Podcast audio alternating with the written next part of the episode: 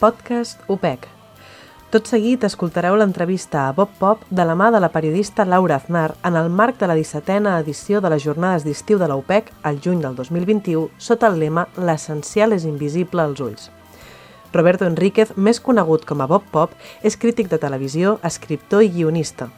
Recentment ha creat i escrit la sèrie Maricón Perdido, una autobiografia que narra la vida d'un jove Roberto que cerca la seva identitat i la manera de dur a terme la seva vocació de ser escriptor.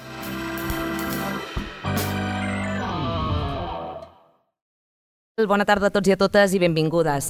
Moltíssimes gràcies per acompanyar-nos aquesta tarda en què tindrem l'honor de conversar amb el Roberto Enrique del Bob Pop. Què tal? Com estàs? Molt bé, molt bona tarda. Uh, el Bob Pop és escriptor, crític de televisió, col·laborador en programes de tele i ràdio, guionista i autor de llibres com Mansos o Dies Ajenos. Aquest any, a més, ha creat la sèrie Maricón Perdido, que es va estrenar el, 18 a TN, el dia 18 a, a la TNT i que està sent un bombazo.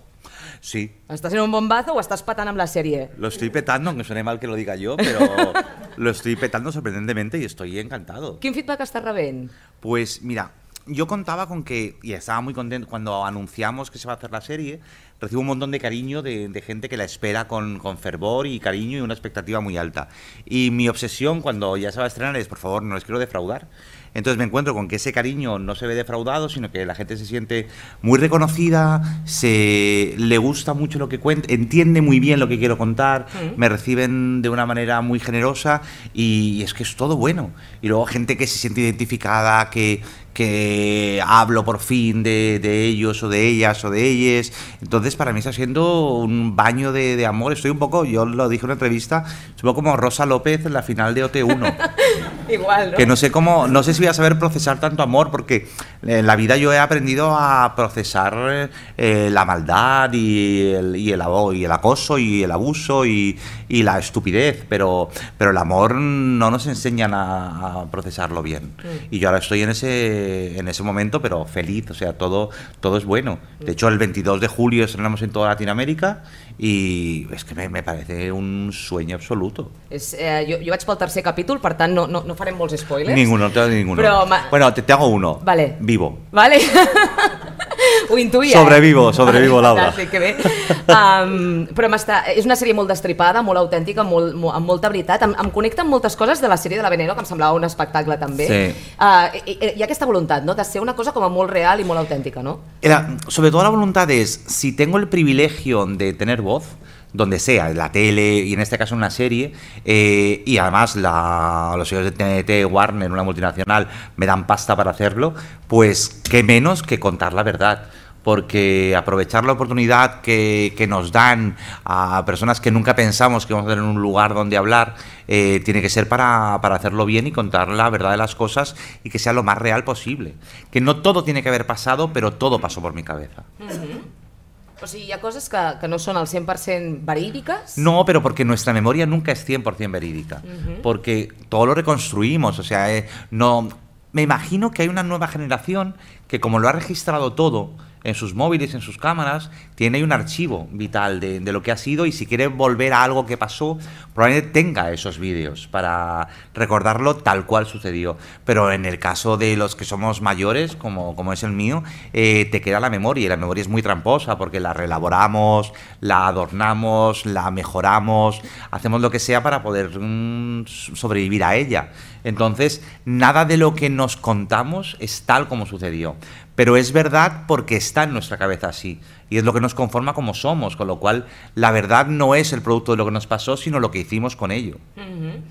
I, I escolta, per, per, què, per què vas decidir fer aquesta sèrie autobiogràfica? No em diguis, ai, mira, és que m'ho van proposar i vaig tirar, sinó... Quin era, era lo que te iba a decir, però, sí, però... Claro, si ja no me dejas... però quin missatge de fons volies enviar amb aquesta sèrie? Pues mira, yo quería contar que, que es muy importante tener voz propia. Y que es muy importante que todos tengamos eh, la ocasión de contar nuestra historia con nuestra propia voz. Yo cuando pues cuando se habla de esta serie y has hablado de Veneno, por ejemplo, yo creo que lo más importante es que seamos cuantas más mejor contando nuestra propia historia de nuestra propia manera. Y así habrá un abanico mucho mayor de posibilidades de ser, porque para mí la ficción sirve para eso, para darte posibilidades de entender que la vida no es un callejón sin salida, sino que hay muchas formas y que no hay una manera estándar de ser lo que seas, miembro del colectivo LGTBI, mujer, eh, persona que ha sufrido agresiones, hay tantas formas de serlo y yo quería contar la mía y además quería contarla a mi manera porque me parecía también eh, dejar claro que narrarse es la única forma de, conocerse y de, y de perdonarse. Mm, de perdonarse, ¿necesitabas perdonarte? Había cosas que sí, y me las he perdonado con creces aquí. Y me, he tratado muy bien. He tratado, sí, he tratado muy bien mi, mi memoria, ¿no? Y además es curioso porque cuando, cuando llega la serie y que yo ya estoy eh, en pleno proceso de, generación de la esclerosis, hay una cosa de la que también me doy cuenta y es que yo estoy en un punto de mi vida en el que no puedo fantasear con mi futuro. Porque, porque no sé, no, no, sé cómo va a evolucionar la enfermedad, con lo cual, yo si alguien me pregunta, ¿cómo te imaginas dentro de cinco años? No lo sé.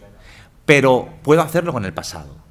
Y entonces ese juego de, tener fantasías conmigo, con el material del pasado, está muy bien. Y por otro lado, tampoco quiero hacer un ejercicio de autoficción puro y duro, porque eh, no quería solo contarme, porque no me parecía tan interesante.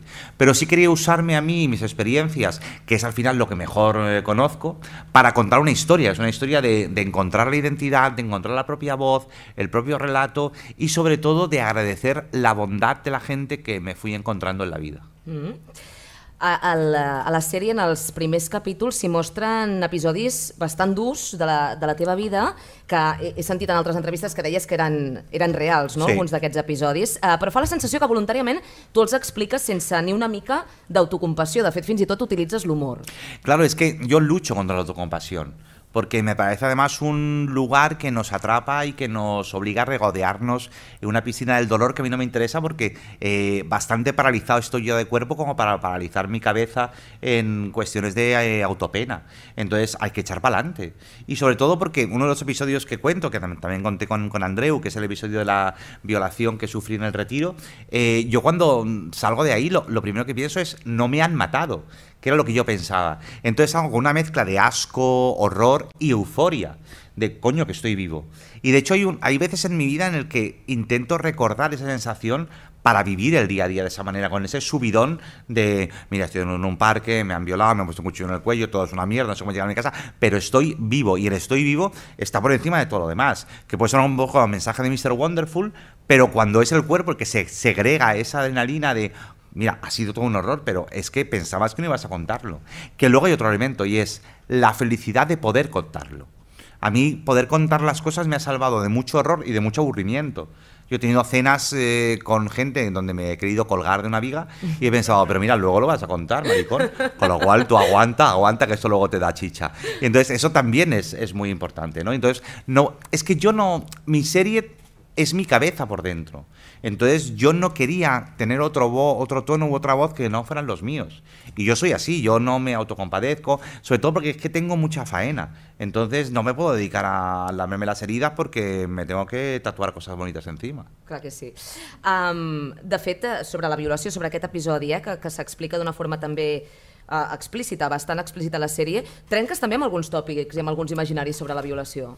Sí, sobre todo sobre qué significa ser víctima de una violación, porque cuando yo, yo cuento la historia de la violación del retiro en el programa de Andreu, lo cuento motivado por la, reacción, la contrarreacción que estaba viendo en ciertos sectores de sociedad ante la víctima de la manada. Entonces de repente era como, es que has salido de copas con las amigas, es que, claro, es que no hay un modelo único de ser víctima de una violación o de un abuso. Es que cada persona lo asume de una manera diferente. Y probablemente estés en la mierda, otro día lo tengas bueno, te apetezca olvidar, tener música alrededor para que no suene el ruido de tu cabeza. Entonces para mí era muy importante contarlo de manera que, dejáramos claro que no hay un modelo y que además, y además yo lo que cuento es tal cual sucedió. O sea, el chiste que hago, todo eso sucedió tal cual. Y me parecía importante que eso se mostrara en la serie, porque al final la serie me estaba mostrando yo y mostrando lo que te decía antes, una radiografía de mi cabeza. Entonces me parecía también fundamental no ceñirnos al modelo único, al relato que nos constriñe y que te convierte incluso en una mala víctima de una violación. Es que ya, ya no eres solo una mala trabajadora, una mala... No, no, es que además de mala madre puede ser una mala víctima, porque hay una forma estándar de comportarse las víctimas y no la, y no la hay. Hay tantes com, com a víctimes. Uh -huh. De fet, és interessant, perquè el relat que acostumem a trobar al voltant de, de dones que expliquen, que tenen la valentia no? d'explicar que han patit un episodi d'aquest tipus, normalment és la revictimització, el qüestionament... Claro, y es que eso es, es lo que tú dices, es convertirte en víctima de nuevo y obligarte a asumir el rol que los demás quieren que asumas porque si no, para su relato no funciona. Entonces tienes que salir eh, lacrimógeno, lloroso, que claro, o sea, que no es que eso sea una fiesta, claro. no es una fiesta, uh -huh. pero hay un punto en el que necesitas tener mecanismos de protección y de reacción. Y ese episodio también cuenta un poco mi propia forma de enfrentarme a los hechos traumáticos, que es quitarles importancia, no tomarme tan en serio y decir, bueno, chica, pues para adelante. -huh. hi, ha, hi ha també una escena molt, molt potent de la sèrie i insisteixo, no farem massa més spoilers, però és quan la teva mare et recrimina que te metas en estos parques inventándote a alguien que no eres solo para que te quieran, que és un atac que jo quan veia aquesta escena mm -hmm. deixava una mica glaçada, no? que això sortís per veu de, de la que representava, que era la teva mare. Sí. Hi hi ha, hi ha veritat en això que deia? Hay, hay mucha verdad, pero hay, hay mucha verdad interna. Es decir, yo, eh, hay un momento en mi vida, eh, sin hacer spoilers tampoco, pero también lo cuento en, en, la serie, lo cuenta mucho, en el que el personaje pues acude a zonas de cruising, a saunas, a zonas de ligue gay. Pero sobre todo acude no solo para que le den un abrazo, aunque él crea que va a follar, pero en realidad no, va a caer en cariñete y le hagan caso, pero sobre todo va a tener la posibilidad de ser otros de convertirse en otras personas, de conocer a alguien desconocido en un parque y darle un nombre que no es el suyo, contar una vida que no es la suya, sobre todo porque va probando a ver en qué formato va a ser querido porque por sí mismo no se siente suficientemente valioso para que le quieran, con lo cual va buscando otros alter egos a ver cuál funciona. Y de repente, eh, con el paso del tiempo, y pues yo en la serie soy muy crítico con la madre, con, eh, con cómo ella se también va a, los, a, ver pisos piloto para imaginarse una vida que no tiene en otros decorados, en otro escenario, y en ese punto de la serie es el momento en el que, eh, después de que el abuelo le, le diga que, que se parecen demasiado y que ninguno tiene la vida que quiere, me doy cuenta de que hay un punto de encuentro entre la madre y el hijo. Uh -huh. Es decir, que los mismos souvenirs que la madre se va a los pisos para tener un recuerdo de las vidas que había imaginado, tienen que ver con la misma estrategia de inventarse otros yoes que tiene el personaje en los parques o en las saunas para simular otro que no es e imaginarse otra vida donde es amado, donde es aceptado. Entonces hay un punto de reconciliación con, con esa madre que nunca ha existido en la vida real, pero está muy bien que mi cabeza lo haya podido ejecutar. Mm. De fet, eh, la relació amb, amb la teva mare segurament és un dels elements eh, més interessants o més potents de la sèrie, que n'hi ha molts, eh, i que Candela Peña està espectacular en aquest personatge. Candela Peña es espectacular, es inconmensurable y el nivel de implicación y de genialidad que ha puesto a este personaje y el lujo de poderlo construir con ella ha sido un regalazo de la uh -huh. vida. Doncs a, a banda de la relació amb la teva mare, que és molt interessant, a mi m'interessa particularment com hi apareix la figura del teu pare. Sí. Perquè és, és, uh, és interessant o és arriscada l'aposta, no? És, és un personatge que en cap moment eh, se le veu la cara. Sí, porque para mí era muy importante por varias razones. Una de ellas era porque era un borrado sim, eh, simbólico del patriarcado. Otra de ellas era porque mi padre ya, ya no vive, pero yo pensé, voy a hacer una ficción, va a salir mi padre, no me apetece volverle a mirar a la cara aunque sea Carlos Bardem, que me encanta. Pero no me apetece tener otra vez esa mirada eh, reprobadora, no, no tengo ganas. Y por otro lado hay un tercer elemento que también tiene que ver conmigo y tiene que ver con las gafas que llevo y que lleve barba, y es que según pasan los años, yo me parezco cada vez más a mi padre. Yo no me lo quiero encontrar en el espejo. Entonces me dejo barba, me pongo gafas como de señora loca, y, eh, y en la serie no muestro su rostro, porque no quiero enfrentarme a ese rostro, y porque además no quiero ni reconstruirlo. Y a mí, además, agradezco mucho que Bardem lo entendiera también y estuviera dispuesto a hacerlo y demostrar que es tan buen actor que puede hacer lo que hace, que es una maravilla, y transmitir ese, ese esa amenaza y esa crueldad que mm, transmite solo con la voz y con, el, y con los gestos corporales y mostrar el rostro. Mm. De fet, eh, com l'alter ego, no l'alter ego, però la, la figura contrària al que representa el teu pare, eh, la, la representa el teu avi, Sí. no? Aquest acompanyament patern és, és el teu avi, no? Sí, y además tiene mucho que ver con, con la historia de, de este país. Eh, porque por lógica hubieras pensado que mi abuelo, que era una generación anterior a mi padre, tenía que ser más estricto, pero es que mi abuelo era un, era un producto de la República.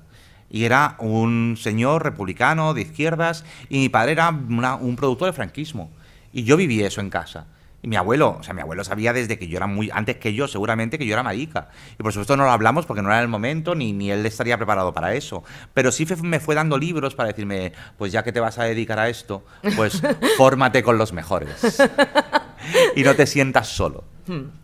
Um, recordo una entrevista que, que et feia Andreu Buenafuente l'altre dia que deies agafo el meu material per explicar una història que vull explicar i arriba un moment que deixa de ser meva. És una història que vull que s'entengui bé, vull explicar-la bé i que la gent la gaudeixi. No? Ara, ara també ho deies uh, en aquesta entrevista. Um, des d'aquest privilegi que, que dius que, que tens, Sí. la voluntat també és fer d'altaveu o de visibilitzar referents que durant molt de temps en la cultura popular tampoc han tingut molta cabuda o fins i tot la forma com, com tenien cabuda era molt estereotipada, d'una manera molt determinada de ser. Sí, y también es agradecer eh, el- ese espacio que me han dado, agradecerlo mostrando alguien que soy yo de verdad y alguien que es mucha gente de verdad y que no tiene por qué ser, o sea, eh, de pronto el protagonista es un eh, niño gordo y marica y con gafas y, el- y, eh, y va creciendo y sigue siendo gordo y con gafas. eh, que eso no, no aparece, porque siempre cuando en las series de ficción aparecen personajes LGTBI, eh, tanto mujeres lesbianas como hombres gays, o Sobretot trans, homes gays. sobre todo hombres gays, hay como una necesidad de hacer que el, espectador perdone el hecho de que sean gays mostrando una belleza objetiva. Es decir, vale, sí, van a salir dos chicos a lo mejor comiéndose los rabos, pero no os preocupéis por ser tan guapos que nos van a molestar. Porque esto es arte. Como, perdona, es que los chicos gordos también nos comemos los rabos. Y vamos a enseñarlo en televisión porque también están ahí. Y porque también hay una cosa que, de la que se habla mucho y es que tenemos derecho a que nos deseen, por supuesto, pero también tenemos derecho a desear sin tener miedo a ofender al otro con nuestro deseo. Y eso lo quería mostrar también en esta serie. De hecho, hay una época en, la ficción eh, LGTBI de los 80, de los 90, que tiene que ver tanto con la pandemia del VIH-Sida como con la consideración en que todos los personajes LGTBI que aparecen en las series o las películas tienen que acabar mal porque merecen ser castigados por su pecado. Y en mi serie yo no quería que acabara mal. Primero porque era yo y yo quiero acabar súper bien todo el rato. Y salir muy guapo en todas las escenas. Pero porque no me merezco, merezco que alguien me explique que tengo derecho a un final feliz. Y de hecho en el primer capítulo, cuando hablo con mi abuelo, hay un momento en el que, en, el, que el niño le dice, no me gustan los libros en el que cuando eres diferente acabas mal. Pero es lo que te enseñaban. Era la forma en la que te decían, vale, sí, vamos a permitir que vivas y no te vamos a apedrear ni a quemar en la hoguera, pero vamos a darte en la ficción un final trágico. Porque es lo único que va a hacer que tu personaje se redima. Se redima de su pecado de ser una persona LGTBI. Y yo quería eh, oponerme a eso completamente. Mm. Això que dius de la construcció del desig em sembla molt interessant, no ho havia enfocat des d'aquesta perspectiva, però és cert no? que normalment a, aquells receptors de desig o emissors de desig normalment s'associen amb, un, amb uns cossos molt normatius, Claro. amb una forma de ser molt concreta... Sí, es, es como lo que te da permiso para, para ser, lo que te da permiso para desear y para ser deseado. Y es que eso me, me parece muy, muy cruel, porque realmente, eh, además porque hay una cosa que me parece muy importante que uno aprende con el tiempo, o al menos yo lo he aprendido con el tiempo, y es que los cuerpos no tienen nada que ver con el sexo. O sea, no es que me refiera a follar con la cabeza, no. Me refiero a que tú puedes ver a alguien objetivamente hermosísimo por la calle, pero luego te vas al catre y eso es un rollo patatero. No hay ni piel, no hay química, aquello. Y además es que cuanto más guapos, menos hacen, ¿sabes? Porque ya creen que lo tienen todo hecho. Y entonces, esto lo decía Philip Roth en una novela, que, que él solo eh, bailaba con las feas, porque se lo curraban mucho más. Entonces, es un precio a pagar también, pero también tiene que ver con eso, es decir, con que eh, cuando se llega a la atracción sexual y al deseo, hay factores muchísimo más importantes que la belleza objetiva. El gran problema es que vivimos en un tiempo de consumo. Es decir, que la gente quiere consumir cuerpos y que luego en el colectivo LGTB y sobre todo en la parte de gay masculina, eh, los tíos hemos tenido un problema muy grande y es que no hemos tenido claro cuando nos gustaba un tío si nos gustaba porque lo queríamos poseer sexualmente o porque queríamos ser él. Y entonces eso también, claro, cuando te han inculcado todo el tiempo esa insatisfacción constante, eh, luchar contra eso es difícil. Entonces yo ya cuando veo a un señor que me gusta, me gusta porque quiero llevármelo a la cama. Porque para ser yo, pues yo ya tengo a mis amigos que me, y a mis amigas que me enseñan la forma en que... Pero no, no quiero poseerlo, no, no quiero robarle la, la voz a la sirenita. Um, la teva història, quan, quan veia aquests tres capítols de la sèrie, em feia la sensació que també explica moltes coses, no? Explica, a banda de, de la teva manera de ser, la teva manera d'entendre el que t'ha passat i la teva pròpia història personal, també és la història de l'Espanya de finals dels 80, principis dels 90, d'unes mm. estructures socials molt marcades, dels pobles i les grans eh, urbs, de, de, dels barris, dels col·lectius, del Madrid en realitat d'una època, no? Sí, sí, completamente. Y, y además la vista idealizada de un niño marica de pueblo, cómo ve la ciudad, a través de lo que ha leído, de lo, que ha visto en televisión, en las películas, que asume que una vez abandone ese ambiente hostil y opresor del pueblo, va a llegar a la ciudad, va a llegar a Chueca, que en ese momento era, estaba naciendo. Yo, siempre cuando hablé con la gente de, de arte y de localización eh, para tratar Chueca, les dije, mirad, ¿cómo os explico el Chueca de entonces? Era un Chueca donde los bares gays no tenían terraza no había terraza en la calle en los bares gays, eran sitios donde tú llamabas y te abrían la puerta. Porque era un mundo todavía de, de prohibición, de, de, tener miedo de que te vieran entrar o salir, de, de, ser público, ¿no? Entonces es muy bueno de contar cómo ese niño del pueblo cree que va a llegar a Chueca. O sea, yo la, primera vez que, voy a Chueca con 19 años a un bar de estos cerrados a Calicante y entro, yo pensaba, de, claro, yo venía de, de, mm, ser la marica del pueblo tal, digo, ahora abro la puerta y hay una banda municipal, globos de colores, un cartel que dice, bienvenido a tu casa, Bob, y, entonces me di cuenta de que no, de que, de que el mundo gay no me estaba esperando con los brazos abiertos, que de hecho ahí tampoco encajaba, porque era gordo, porque era peludo, porque yo llegué antes de que se pusieran de moda los osos, con lo cual me vino fatal todo ese tiempo, porque todos los cuerpos eran como súper normativos, depilados, cacha, entonces yo estaba allí y decía, pero yo qué pinto aquí si estos me tratan igual de mal, menos mal que estos no me pegan, pero realmente siento el mismo rechazo que sentía en el pueblo por ser el marica diferente, porque en el fondo la serie también habla de eso, ¿no? De que, de que las diferencias están en muchas partes, de que ser una niña gorda también es ser diferente, de que de todo eso que al final te acaba generando esas dinámicas tan chungas de patio de colegio que acabamos arrastrando todas nuestras vidas. De fet, és una, una esmena a la normativitat en totes claro. les seves vessants i facetes, no? Sí, y lo bueno es que cada vez abramos la normatividad cada vez haya más cosas normativas o no haya nada normativo. Es que yo creo, es que es como cuando, como cuando la gente del colectivo habla de normalizar, ¿no? Sobre todo la gente de derechas suele pasar, no sé por qué, le encanta lo normal. Y, y, es que me parece fascinante porque es que lo normal no hace feliz al mundo. La gente no es feliz siendo normal. Hay, una, hay una, unas memorias preciosas de una escritora inglesa, se llama Janet Winterson, que es su autobiografía, que se titulan ¿Para qué quieres ser feliz cuando puedes ser normal? Que es lo que le decía su madre cuando ella dijo que era lesbiana. Entonces yo creo que esa normatividad es que yo no quiero ser normal, yo no quiero que me asimilen, yo no quiero, no, no, yo creo que, que me integren, lo, lo que yo quiero es que me, que me respeten y que además el mundo sea un lugar mejor porque asuma todas las diferencias. Y sumamos que hay tanta gente diferente, con lo cual el espacio es mucho más amplio para que todos convivamos y que los márgenes en los que muchos hemos estado, de repente no tienen por qué ser absorbidos por el centro, sino que el centro puede ampliarse hasta llegar a esos márgenes y más allá. Y todo es más fácil, más libre, más divertido, porque además es que en esa normatividad, en esa normalidad, como quiere entrar todo el mundo, la gente está ahí como constreñida, no sé codazos. Y no hay espacio de seguridad para el COVID, es fatal la normatividad. Entonces hay que irse a los márgenes, que hay más hueco y hay distancia de seguridad. Hmm. Uh, escolta, ara salto de Madrid a Barcelona perquè l'altre dia escoltava el fax que vas dir que que tú vas decidir venir a viure a Catalunya gràcies a la Núria Feliu. Es que eso es muy fuerte. Así no, es muy fuerte, cuéntamelo.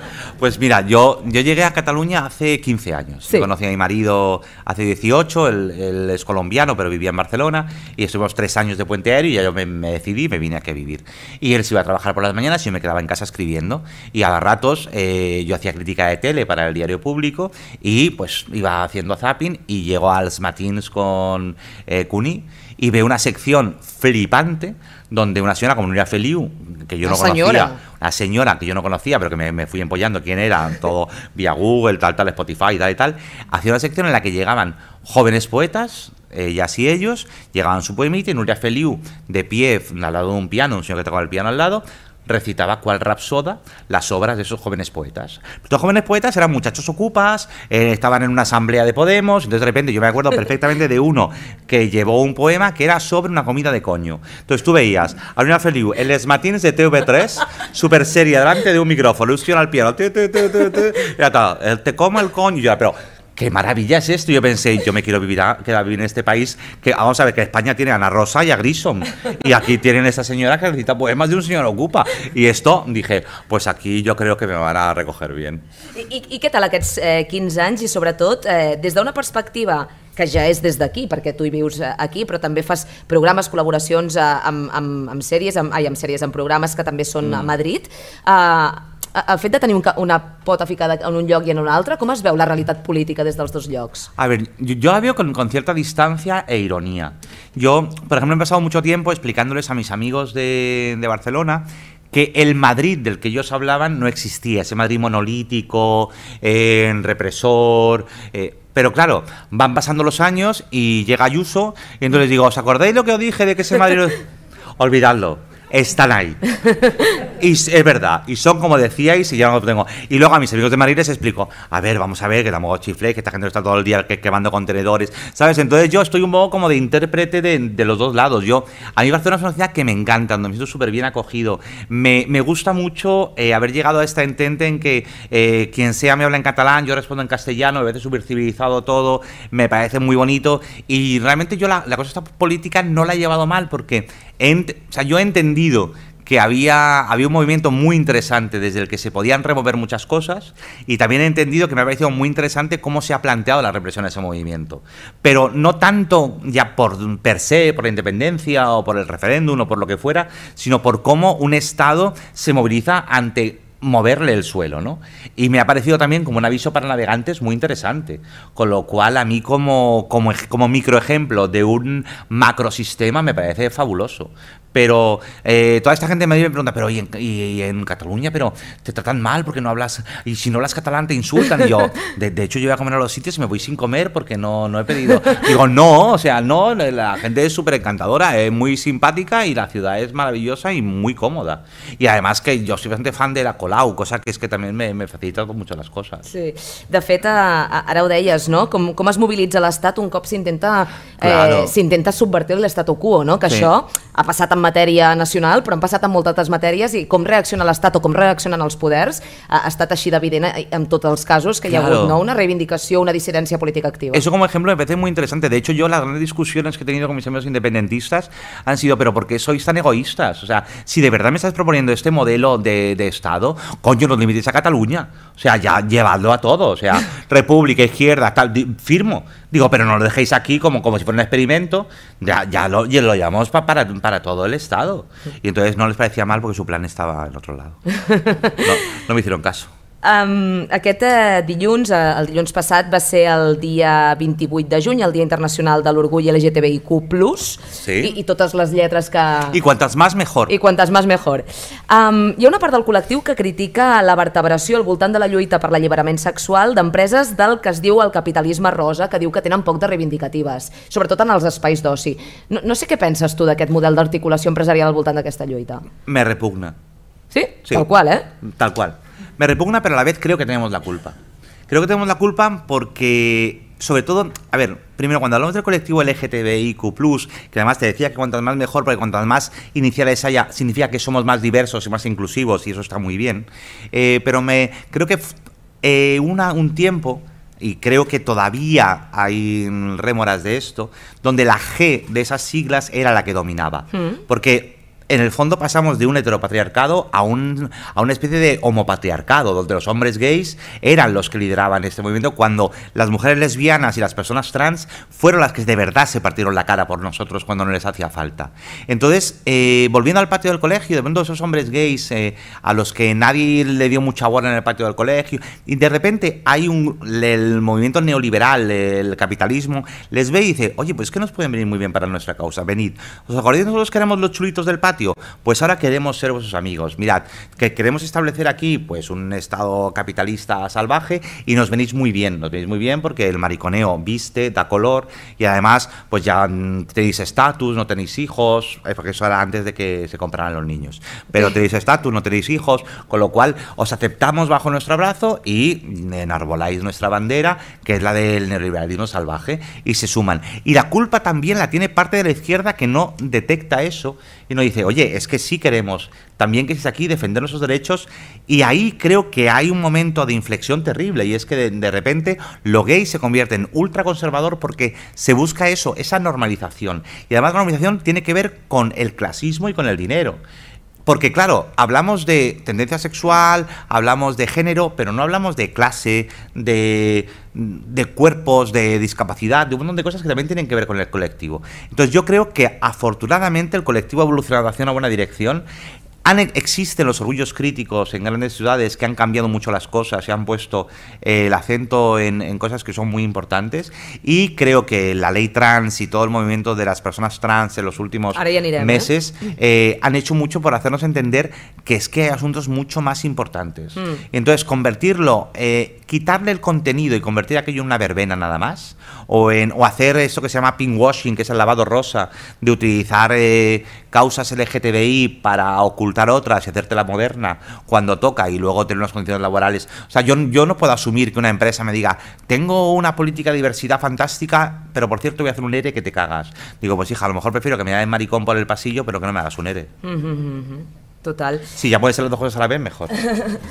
De fet, ara, ara em feies pensar en una cosa que escrivia fa uns dies la Milena Duc, que és una, una amiga i referent, sobre, sobre la memòria històrica lesbiana, i ella deia la història oficial construïda sobre el sistema cap, eh, patriarcal, capitalista i colonial ha esborrat les lesbianes i les trans, que tu, quan feies la crítica al col·lectiu eh, gay, el, també sí. deies, eh, nosaltres també ens hem ocupat una mica de visibilitzar-nos i d'empoderar-nos i de lluitar per nosaltres, per la nostra lluita com a homes gais, blancs, de claro. mitjana.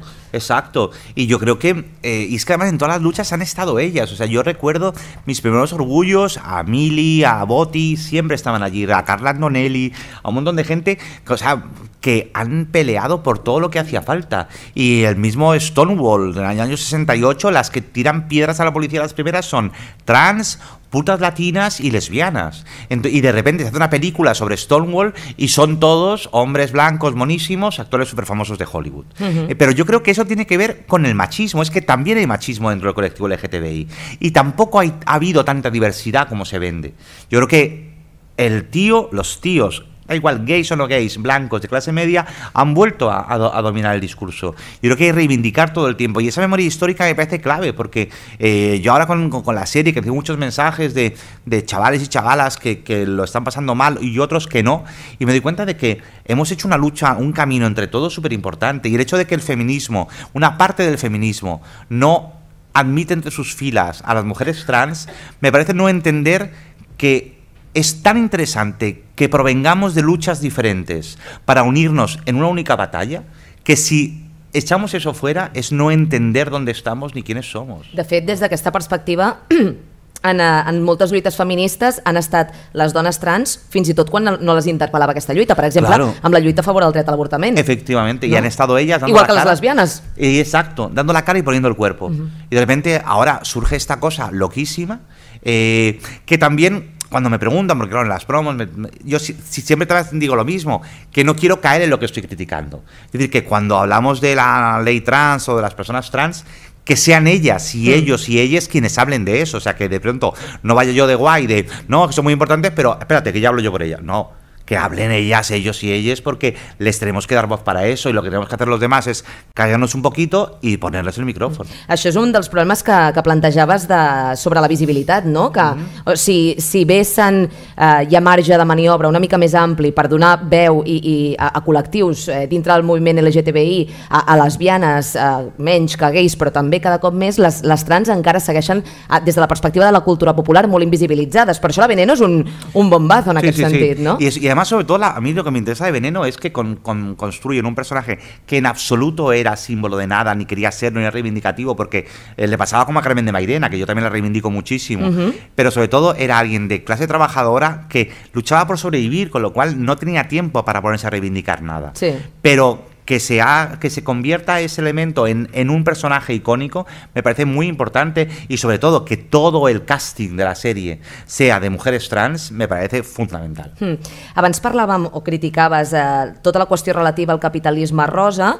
Eh, vull preguntar-te per la institucionalització d'aquest moviment, del, del moviment per la lluita per l'alliberament sexual, si creus que ha generat també de facto una desmobilització important de la base i del carrer, el fet de que ara tots els partits i pràcticament totes les institucions, de, de, almenys de Catalunya i de l'estat espanyol, es consideren no, LGTBI plus eh, Q friendly. friendly. Clar. Bueno, cada vez mm, ya están saliendo voces críticas con esto. Bueno, sí, claro, Claro, sí, o sea, sí. vamos a hablar de Madrid. Ja aniríem, sí, claro, eh, yo creo que está muy bien que sea institucional porque es de las instituciones donde se aprueban leyes que, ay- que ayudan a protegernos, con lo cual es fundamental. Pero también creo que ahí tiene que haber movilización y tenemos que, que- que tomar las calles. También estamos en un momento muy raro con el COVID y demás. Pero yo creo que es en las calles donde se generan esos espacios. También creo que eh, tienen mucho que ver, por ejemplo, las aplicaciones de ligue. Es decir, ha- han hecho que los bares de ambiente o las saunas o el cruising hayan dejado de ser lugares de encuentro que no eran solo lugares de encuentro sexual, también eran lugares de, intercambio de experiencia y de generar también actividad en la calle. Entonces yo creo que hay que esperar un poco a que volvamos a tomar las calles, pero es muy importante que lo porque lo institucional al final escucha lo que pasa en la calle.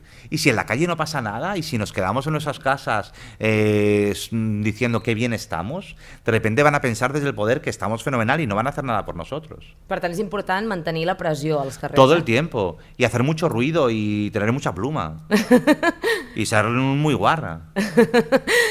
Um, estàvem eh, parlant de temes d'actualitat, parlàvem de, de la llei trans. Deixa'm saltar un altre dels temes de- d'actualitat eh, que han marcat no només la setmana, sinó de fet les darreres setmanes que han estat els indults concedits als, als presos polítics. Eh? Salto d'una cosa a l'altra, com estàs Perfecto. veient. Uh, què penses d'això? Pues que me parece súper razonable. Es más, que entiendo más a quienes creen eh, que esto sabe a poco y que, des- que y es desmovilizador de una causa, que a quienes los critican y les parece destruir España. Y yo es que cada vez que alguien dice que destruir España, yo, yo, yo miro y digo, ¿dónde? Porque, no sé, o sea, hay una parte divertida, vamos a destruir España, ¿qué vais a montar? Pero me parece que es lo que tiene que ser, sobre todo, para normalizar el- la conversación. Es que la política es eso, es gente hablando de cosas.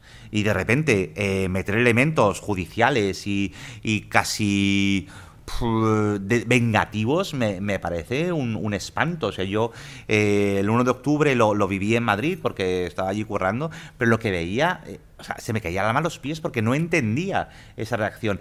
Pero si lo piensas bien, es como, bueno, es que estamos demostrando quiénes somos. Es, una cosa tan, también muy, muy de testosterona, de vamos a poner los huevos encima de la mesa y ya veréis quién manda aquí. Pues es que resulta que eso es una democracia y tampoco hay que dejar tan claro quién manda aquí porque mandamos todos. Entonces, dejadnos opinar. Entonces, los indultos me parece una forma muy saludable muy inteligente de volver a un diálogo sin gente en la cárcel que no tendría nada más que haber estado nunca. Uh -huh. uh, ara seguim amb això. Uh, recordar que no ho havia comentat, si algú vol enviar algun missatge, després els llegirem, si algú vol fer una pregunta o té algun comentari. Seguint amb això, eh, de, del tema dels indults, um, a mi em fa la sensació, no sé si és una sensació compartida, i a més segurament tu uh, la, ho, pots, ho pots comprovar o ho pots refutar perquè vius molt uh, a, cavall, a cavall entre Madrid i, i Barcelona, a vegades els mitjans de comunicació, i ho dic jo que sóc periodista, eh, per tant assumeixo la part de responsabilitat al respecte com a gremi, uh, deformem la realitat fins a l'extrem que fa la sensació quan parles de, amb molts mitjans de comunicació catalans, quan parles de la realitat a l'estat espanyol sobre oh, tot el tema dels indults, això passarà factura perquè la societat espanyola no vol els indults, vol, una, vol, vol venjança. Estic, fent, estic intentant fer-ho de- d'una perspectiva Sí, quasi, sí, sí, quasi, sí, quasi sí. cunyada per intentar aterrar-ho molt. Eh? Total. Però de, deformem la realitat des d'aquesta perspectiva, no? Allà no s'entendran mai. No sé com és, sí que ho sé més o menys perquè veig alguns mitjans de comunicació espanyols, que sembla que els d'aquí també som a- un enemic a batre, no? en, certa, en certa forma. No sé si, si els mitjans de comunicació estem polaritzant més les, eh, les societats que, que, que no, i, que no estem recollint realment el que passa amb a la Claro, gent. porque al final han descubierto que les funcionan muy bien las audiencias. O sea, en el fondo, eh, es verdad que hay mucha, mucha gente rancia y hay mucha rancunia y... Pero sobre todo hay intereses económicos. Entonces, cuando tú ves que el, que el carrusel prusés funciona que te caga, es como, corre, corre, 10.30, hay un contenedor quemado. Entonces, todas las televisiones, Ferreras conectan en directo y dije, Ferreras, hijo, que es un contenedor. Baja la música de fondo. Bueno, hi ha, hi, ha y un tema, hi ha un relájate. tema que ens... Espa... Bueno, no, amb el tema dels, conta... dels contenidors... Es eh, que yo, yo flipaba con eso cuando yo estaba en Madrid y claro, mi- me llamaban amigas de, eh, oye, ¿has visto lo de Barcelona? Digo, pero vamos a ver, pero que parece que la ciudad está en llamas, pero tiene esa necesidad y de pronto se convierte en casi un elemento llamativo de, de, bueno, mira, es que lo que está pasando, pero es verdad que mucha gente, incluso viendo eso, o sea, yo eso de España no está preparada, de verdad, eh, ¿con quién habla esta gente? Que esa es otra cosa, o sea, hay, hay un problema de que eh, nos gobierna gente que vive en burbujas. No, los medios de comunicación están llevados por gente que van en coche eh, del plató a su casa y no sale más de allí, eh, incluso antes de la pandemia. Entonces, claro, es, es muy complicado asumir que eres la voz de un pueblo al que das la espalda constantemente y al que solo usas para, para lucrarte. Y si funciona bien lo de los controles en Cataluña o como, como podría ser cualquier otra cosa en cualquier otro sitio, pero aprovechan esto y lo convierten en, en algo muy importante que no lo es, pero a la vez es muy barato. Es decir, porque si tú tienes que pagar a un especialista que te haga una escena de quemar una cosa, es un dineral. Pero si lo hacen gratis unos señores en medio de una calle y lo sacas con la cámara, con la cámara tú dices, fíjate lo que está pasando, y extrapolas. Y como te crees lo que te dicen los medios y dicen, está pasando, y luego hay un montón de señoros que te dicen, bueno, bueno, España se rompe, esta gente hay que ver lo que quiere, no sé qué. Entonces, claro, dices, pues, ¿será que está pasando eso? Y también Claro, y esto en tiempos en los que en realidad debería ser mucho más fácil comunicarse.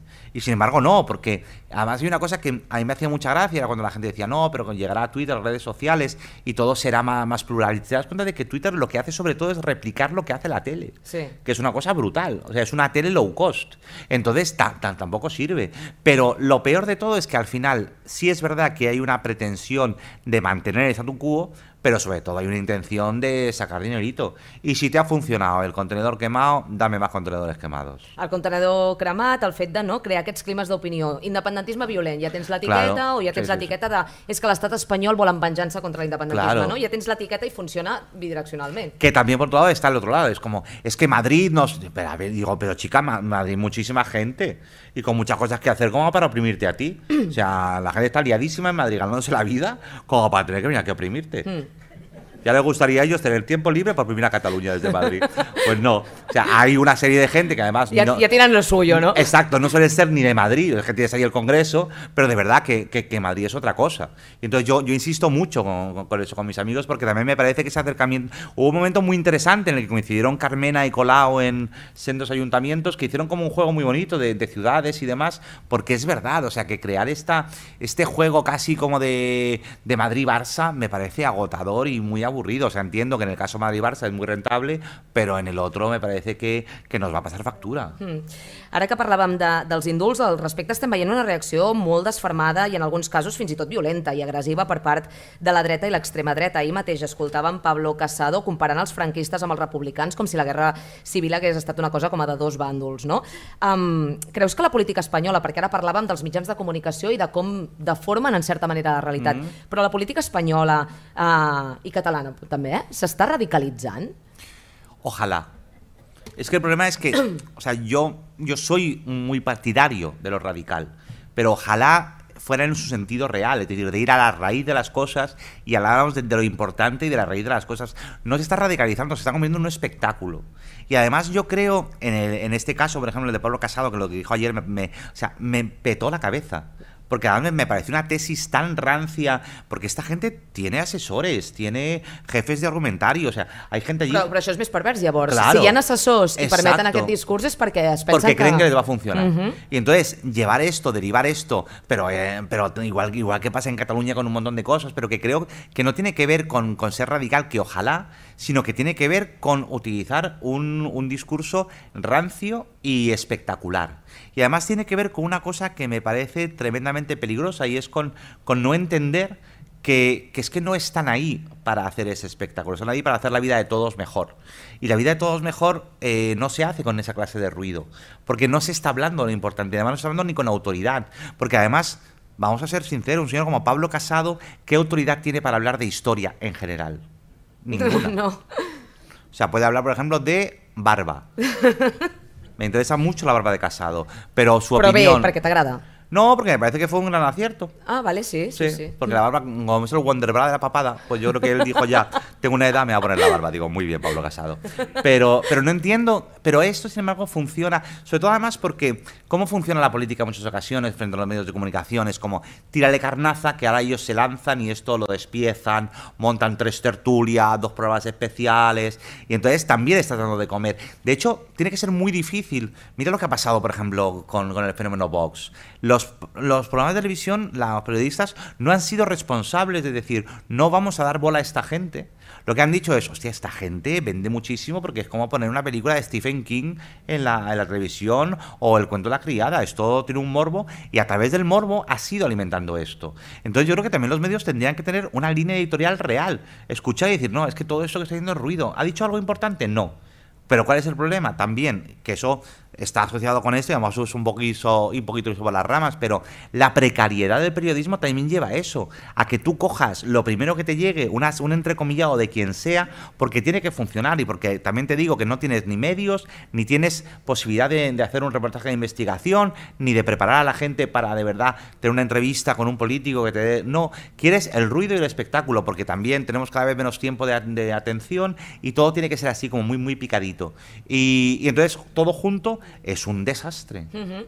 De fet, ara, ara que deies això, l'historiador Xavier Casals deia alguna cosa tipus que el, el periodisme o la inèrcia inf informativa afavoreix l'extrema dreta, no? justament Claro. perquè uh, són discursos que, uh, que són molt atractius des d'una perspectiva mediàtica perquè tens el titular segur, no? i això genera clickbait. Exacto. Pero a mí, a mí también me, me parece que eh, cuando la gente dice, es que ahora que está la extrema derecha en el poder, y yo creo que no. O sea, la extrema derecha lleva en el poder un montón de años. Y yo creo que son una buena señal de algo que está pasando. Me explico. Creo que hasta ahora pensaban que todo lo que habían eh, se iba a quedar como estaba. Y de repente están pasando cosas. Está pasando el feminismo, está pasando el movimiento LGTBI, está pasando una movilización de izquierdas. Y de repente los que han estado siempre en el poder sin mancharse las manos han tenido que montar un partido donde bajarse al barrio y mancharse las manos y seguir haciendo esto. Y esto a mí me suena, quiero pensar que son las únicas pataletas de alguien que se está dando cuenta de que no estaba todo tan atado y bien atado como pensaban y que probablemente haya posibilidad de cambio. Y si es por eso, entiendo que eh, están haciendo muy bien su trabajo y que la prensa está haciéndolo muy mal, porque les están, es que les hace una campaña gratis tan impresionante y además están marcando la agenda. Yo no quiero que me marquen la agenda. A mí siempre que me preguntan, "Na- no sé quién de Vox ha dicho tal cosa, digo, lo siento, no me interesa. No me interesa porque es que además no forma parte de las cosas de las que yo quiero hablar y me niego a que me marquen la, la agenda, el discurso, porque además no podemos ir a, es que no podemos ir a su contra, es que ya estamos en su contra. Son ellos los que van a la nuestra y nosotros tenemos que seguir avanzando y ellos que sigan gritando. Mm. De fet, en el, en el món dels mitjans, ara mateix, almenys a Catalunya, hi ha un debat com bastant present sobre com confrontar l'extrema dreta, no? I hi ha dues derivades, eh, que, que segur que hauria d'haver-hi un debat sectorial, eh, de com fer-ho millor, però hi ha dues derivades. Una és, l'afrontem críticament, és a dir, ens preparem molt bé per confrontar cada cosa que diguin, cada idea buida, cada atac, cada, cada mentida, no? que, cada fake news que surti, o altres persones que opten per la perspectiva d'aquesta gent, en tant que no defensa valors democràtics, no han de tenir cabuda en els mitjans de comunicació. És un debat que no està resolt. No sé com, com yo, tu. yo estoy en la, en la segunda parte. En la B. Sí, porque la A hay un problema y es eh, que te pones en un lugar que tú desconoces. Me explico. Si yo fuera un periodista y hiciera una entrevista súper crítica a alguien de Vox, refutando con argumentos, con todo, la gente que cree que yo soy un gilipollas daría igual lo que yo le enfrentara al, de, al señor de Vox o a la señora de Vox. Pensaría que ellos tienen razón y que fíjate este qué rabioso se pone, cuánta razón no tendrán para que tengan que sacar toda esta mierda para tirar su discurso. Entonces, es que no hay que entrar porque siempre vamos a perder. Tanto refutando como no refutando, porque al final también nos exponemos nosotros. Y si refutas y utilizas argumentos, todo, a la gente la, la verdad ya le da igual. Sobre todo porque hay una cosa muy grave y es que si a la gente le dices, mira, te vamos a, ver, a quitar la verdad y te vamos a, te vamos a dar la verdad y te vamos a quitar el espectáculo, te dicen, no, no, dame espectáculo. La verdad, ¿para qué?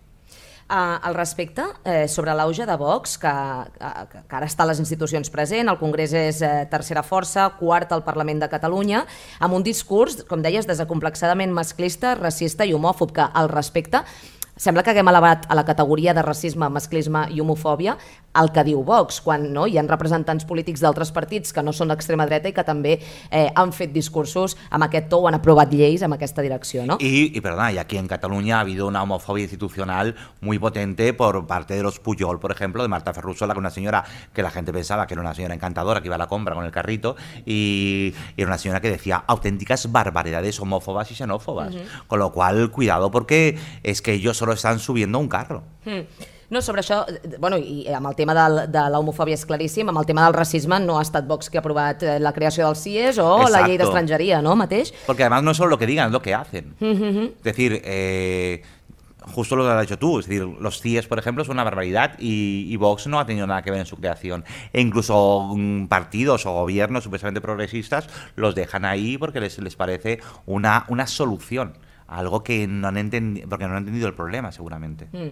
No, sobre això et volia preguntar quin creus que ha de ser el paper de l'esquerra davant el creixement de l'extrema dreta i de la dreta ex extrema. Què ha de fer l'esquerra perquè una part de l'electorat, de fet, si, si veus la distribució del vot a Catalunya, a Vox, eh, interpel·la a, a persones de classes populars a la vegada que a persones de classes molt benestants, no?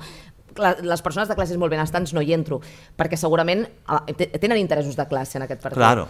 Però com és que um, l'esquerra o, o què ha de fer l'esquerra per tornar a connectar amb aquesta gent que té uns interessos de classe que es corresponen amb els partits d'esquerres i no amb els d'extrema dreta? Pues explicar bien su discurso, dejar claro que no hay soluciones fáciles para problemas complicados y, trabajar por, por hacer y trabajar para cuando llegan al poder realmente hacer políticas de izquierdas. Yo no tengo tan claro que sea el discurso de la ultraderecha lo que, lo que moviliza a la gente trabajadora, sino las políticas de la izquierda que no les eh, interpelan los que al final les acaban movilizando. Es decir, el gran problema es que es- la izquierda está en el poder y la gente que confiaba en que sus vidas fueran a ser mejores eh, no lo está viendo o no le están dejando verlo. O sea, yo sí creo que el tratamiento social de toda la pandemia eh, ha sido ejemplar, pero también creo que no se está permitiendo porque no podemos compararlo con otra cosa. Entonces es muy difícil hacerlo entender a la gente. Y ya se ha encargado todo el resto de, la oposición de hacer que eso no llegue eh, como tiene que llegar. Pero sí creo que más que el discurso tienen que ser políticas. Es decir, cuando la izquierda llega al poder tiene que hacer eh, políticas que no decepcionen a esa clase trabajadora porque si no, a ver, es que la clase trabajadora ni siquiera creo que vota a la ultraderecha por intereses, sino por castigo, porque es como, hostia, confiaba en ti, ¿sabes? Es como, pues, eh, liarte con el, con el novio de tu ex o algo así. ¿Sabes? Como me has dejado, pues ahora me vengo y me lío con el otro. Entonces yo creo que tiene más que ver con políticas. Por supuesto que los discursos y la educación son fundamentales, pero que cuando la izquierda esté en el poder tenga eh, de poder, igual que ha pasado en Cataluña. En Cataluña ha habido una participación en gobierno de izquierdas y de pronto, ¿dónde estaba la izquierda? ¿Dónde estaba la izquierda la vida de la gente? Entonces, mucho cuidado con eso, ¿no? Mm. Ara deies que creus que el tractament de la pandèmia ha estat exemplar? En cuanto a la protección social, creo que ha sido, comparado con lo que creo que podría haber sido en manos de un gobierno neoliberal, creo que ha sido bastante eh, cuidadoso y generoso. También creo que tiene que ver con Europa. Creo que Europa nos ha chiflado como en el 2008 y creo que se ha entendido que, que nos jugábamos mucho. Y ha habido una protección a gente que estaba desprotegida absolutamente y que ojalá, a mí lo único que me gustaría es que la izquierda fuera consciente de que esto ha dejado ver las costuras y ojalá entiendan que toda esa gente a la que ha habido que proteger durante la pandemia, que encuentren ese lugar en el que están de los márgenes y se protejan constantemente. Y se entienda que el sistema necesita tener un modo de existencia en el que cuando sucedan cosas así, la gente ya esté protegida porque el Estado de verdad se encargue de ellos. Entonces, me parece que se ha gestionado bien la emergencia, pero creo que ojalá esa emergencia se, se en- entienda como un defecto enorme del sistema y se corrija. Hmm. Sobre això et volia preguntar per les restriccions, no? perquè hi ha, hi ha gent que apunta que, per exemple, el fet de que s'hagin eh, promogut eh, certes restriccions sense que hi hagi hagut una explicació com molt detallada i exhaustiva de, de quines eh, raons eh, les motivaven i per què s'havia de fer una cosa d'una manera determinada i d'una altra, i que s'hagi acceptat tota aquesta, tota aquesta reculada, en el fons, de drets i llibertats d'aquesta forma crítica, és una mica perillós, no? Per, perquè és una forma també, en certa, en certa mesura, de control social sense que hi hagi hagut una contestació i hi ha hagut una obediència sense, fins i, fins i, sense ni, ni tan sols com qüestionar. Claro, uh, es, es que hemos jugado con el miedo con algo que era, que era muy gordo y ante eso eh, somos obedientes. Y, pero es verdad lo que, lo que tú dices, como experimento social es brutal, es decir, nos hemos dado cuenta de que si nos someten con argumentos de miedo, vamos a obedecer. Eh, que, que además, en muchos casos, hemos obedecido de manera cómoda porque era más fácil obedecer que pensar que teníamos que hacer. Hmm. Ara parlaves o introduïes una gran figura de la política que és eh, la senyora Ayuso. Oh, sí. Què? Què tal? O sigui, com, com has viscut, tu que estàs una miqueta entre un lloc i l'altre, eh, com has viscut el seu, el fet de que hagi guanyat d'aquesta forma aclaparadora a Madrid? Con absoluto estupor. Eh, pero también como la construcción... A ver, es la construcción de un personaje político que no tenía nada que perder, que además se ha puesto en manos de un gran estratega como es Miguel Ángel Rodríguez, que fue el señor que se inventa Aznar, y que, y que ha entendido que el, que el trumpismo tiene una aplicación estupenda en una ciudad como Madrid.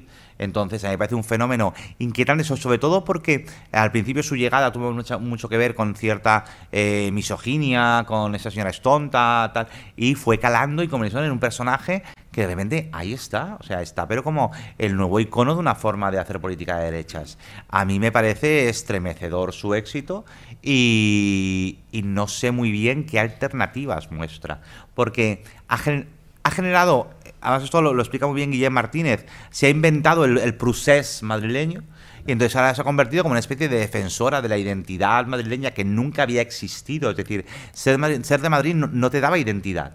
No, porque pues no, no, no, venía a ningún sitio, no había identidad histórica.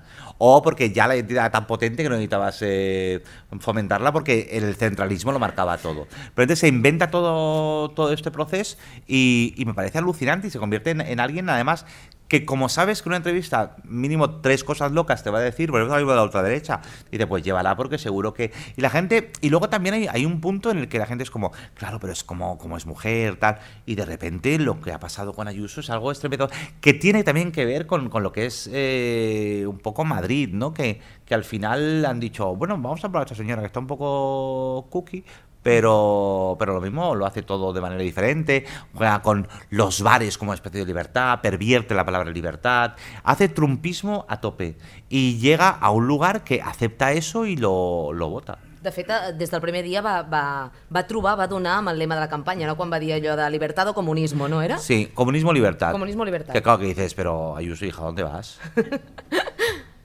o sea, primero porque no creo que nos permitierais ninguna de las dos cosas, realmente. Pero, pero claro, la, la, lo ha construido así. Pero también es verdad que se lo han puesto fácil, porque cuando por el otro lado están diciendo es la amenaza del fascismo, entonces estás llevando el discurso a puntos eh, teóricos muy interesantes, pero que la gente no va a votar. Entonces a la gente le dices eh, fascismo libertad, comunismo libertad, y la gente dice pues Ayuso. Claro. Y Ayuso lo peta. Jo, creus que va saber mesurar bé eh, el PP i Ayuso en particular, eh, el clima del que estava passant en aquell moment, que claro. era, no? venim d'un any de pandèmia, de fatiga, jo què vaig a dir? Jo vaig a dir que, ell, eh, eh, hem, de, hem de reactivar la vida madrileña, nos, nos vemos en los bares, en las terrazas... Que se acabe la tristeza y vamos para adelante, sí. És eso lo que, lo, Això lo que no ho va saber fer l'esquerra, no? A, no? A vegades hi ha la, la sensació, no sé si, si tu la, la comparteixes, de que des de les esquerres Uh, hi ha aquesta idea de que tenim uh, la raó, que som els guanyadors morals d'això Sí. i al final acabem sent, o acaben sent les esquerres, els guanyadors eh, morals de la, de la cosa, però no acaben sent eh, els guanyadors en vots al final. Totalmente de acuerdo. Sí, de hecho, siempre hay una, un lema muy, muy de, una pregunta muy de izquierdas que es ¿qué prefieres, de ganar o tener la razón? Y alguien tiene que explicarles que se puede hacer las dos cosas a la vez. Se puede ganar teniendo la razón. Pero es eso, como nos creemos los guardianes de las esencias y que como tenemos la razón la gente nos va a entender. Es que no nos estamos explicando bien, seguramente. La izquierda no se está explicando bien a la hora de querer gobernar. Y también hay un problema, y es que lo que hablábamos antes, eh, Ayuso llega al poder cuando la izquierda está en el poder de España. Se supone que el gobierno más progresista de la historia de Se España. supone, sí, sí. Se supone, y la gente no lo está viendo, no está viendo ese progresismo loquísimo, al rey saliendo por los Pirineos con las maletas, al, al otro, al que se llevó el dinero, sí, pero al otro saliendo con las maletas. Entonces dicen, bueno, vamos a ver, es que esta gente que me ha prometido un gobierno de izquierda no me lo está dando, vamos a ver esta qué tal, que además se opone a esto y utiliza un término muy, muy goloso, que es libertad. Porque además todo lo que te dice, lo demás intervencionismo, en un momento en el que además ha pasado todo esto de la pandemia, se, se los ha recluido en casa, se han dado medidas eh, disuasorias para la sociabilidad- sociabilización, con lo cual ella encuentra ese eh, perfecto caldo de cultivo. Com has viscut tu la pandèmia? Pues mm, currando sin parar. Sí, eh? Sí. Ha sigut quan, es, eh, quan vas fer el, la sèrie o...? Eh, no, bueno, yo mm, cuando empieza la pandemia me pilla currando en el programa de Andreu Buenafuente, el mismo TIFF, Sí. desde mi casa todos los días. Y cuando acaba la temporada me pongo a a hacer la preproducción de la serie, el casting, preproducción. O sea, yo no he parado en ningún momento. Yo cuando la gente se quejaba de estoy en mi casa aburrida, no sé qué series ver, decía, jo, qué suerte. Yo estoy aquí currando, pero a la vez digo, pues soy un privilegiado porque estoy cobrando cada mes y gastando poquísimo porque no salgo a la calle. Mhm. I, i, I un privilegiat de veritat, eh? perquè hi ha hagut molta gent... Eh, hem parlat molt, jo, jo parlo molt amb moltes companyes feministes, no? que hem parlat molt de, dels treballs essencials, no? de l'essencialitat que, Sí. que han tingut molts treballs, els treballs de cures, les caixeres del súper, etc. però després, eh, fora del camp retòric, en realitat no? se'ls ha donat molt poca canxa i... Muy poca y, y sobre todo se ha considerado que, bueno, estaban allí porque les tocaba, pero no creo que haya habido un cambio de consideración social de, de esa importancia de esos trabajos. O sea, es alucinante cómo se nos ha olvidado toda esa época, pero incluso en planes como la campaña de vacunación, es decir, es- Totalmente. eso es flipante, ¿no? Que no se ha considerado que todas las personas esenciales que estuvieron allí tenían que ser las primeras vacunadas, sobre todo por una deuda, una deuda moral del Estado hacia esas personas que estuvieron allí y que además habían estado siendo el lumpen de una sociedad y de repente nadie las ha reconsiderado. Sí, la gente salía a aplaudir a los balcones, pero en realidad salía a aplaudirse a sí misma. Mm. A sí misma, eh? Yo creo que sí. Era como, yo ya no puedo más, vamos a darnos ánimo entre todos. Pero al tercer día ya ni se acordaban los sanitarios, porque sobre todo no querían verlos. Normal. Porque cuanto más lejos estuviera un sanitario, eso era una buena señal en la pandemia. O sigui, creus que en la gestió de la pandèmia i també en la campanya de vacunació hi ha hagut un cert viatge de gènere i de classe, en aquest sentit? Como- es que es inevitable que no lo haya. Lo- lo- ojalá consiguiéramos, pero es lo que hablábamos antes de que la pandemia ha, ha destripado un montón de costuras que deberían servir para analizar qué tipo de sociedad hemos formado. Pues igual que aquí, o sea, yo creo que género y clase han primado muchísimo en toda la campaña de vacunación y posición y, e incluso contactos. O sea, estamos. Es que en realidad es un microcosmos, o sea, resume el mundo en el que vivimos. Y da igual que sea conseguir un puesto de trabajo o una dosis de vacuna. Mm. De fet, hi ha molta gent que diu que la, la pandèmia no, no és que hagi creat desigualtats, sinó que les ha accentuat, no?, totes aquelles que existien. las ha dejado a la vista, les ha puesto luz fluorescente. Y entonces yo creo que lo interesante sería aprender de eso para modificarlo, no porque vaya a venir otra pandemia o no, sino porque nos lo ha enseñado de una manera tan clara que si alguien quiere hacer algo y se considera que forma parte de un gobierno de izquierdas, tiene que ponerse a ello. Mhm. Escolta, i acabem aquí. Um, tens algun... Ja? Ja, bueno, no, no sé, ara no sé si els companys i les companyes tindran alguna pregunta a fer. Jo crec que per aquí no hi ha, o, o no ho estic entenent, ara si no ja demanaré ajuda. Però en tot cas et volia preguntar si tens més projectes a la vista ara. Pues mira, ahora mismo quiero descansar porque llevo dos veranos sin vacaciones y este me lo he ganado. Y, y tengo una próxima novela que publicaré el año que viene, que tengo que escribir todavía. Y no sé si haré más series, más pelis, más tele. Ahora estoy como un abismo. Ahora, ahora quiero poner los pies en alto y descansar y leerme, mm, releerme Guerra y Paz, que tiene traducción nueva y Mira. tiene muy buena pinta.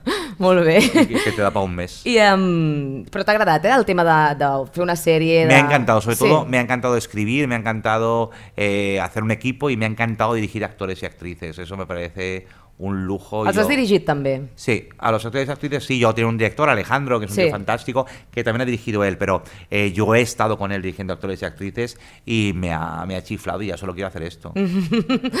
De fet, eh, escolta... Eh, dirigir actores y actrices y promoción, porque a mí me encanta hacer promoción. Entonces yo le decía a mi marido otro día, cuando se acabe la promo en agosto, voy a echarlo mucho de menos, pregúntame cosas en casa. Porque- Bueno, llámame, eh, si claro, quieres. Vale, yo te llamo, que tener mono, digo, ¿qué? ¿Qué quieres saber? Escolta, que llegíem una... No, no llegia, escoltàvem una entrevista que deies que quan intervenies sobre els, te... els personatges que feien de tu, a vegades els deies, no, canvia això porque me estoy cayendo mal. Sí, sí, sí, es verdad, es que yo me veía a mí y decía, pero yo nunca haría eso, me estoy cayendo fatal. Entonces el pobre como, ay, perdón, perdón. doncs molt bé, uh, Roberto Enríquez, uh, Bob Pop, moltíssimes, moltíssimes gràcies per haver-nos acompanyat avui. Un ha estat un plaer. plaer. Merci. Gràcies.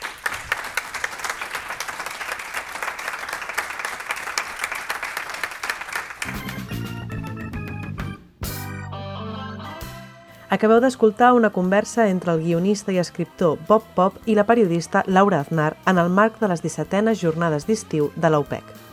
Podeu escoltar altres podcasts amb xerrades i intervencions de referents polítics, culturals i intel·lectuals de Catalunya al nostre canal podcast.upec.cat o seguint-nos a les nostres xarxes socials.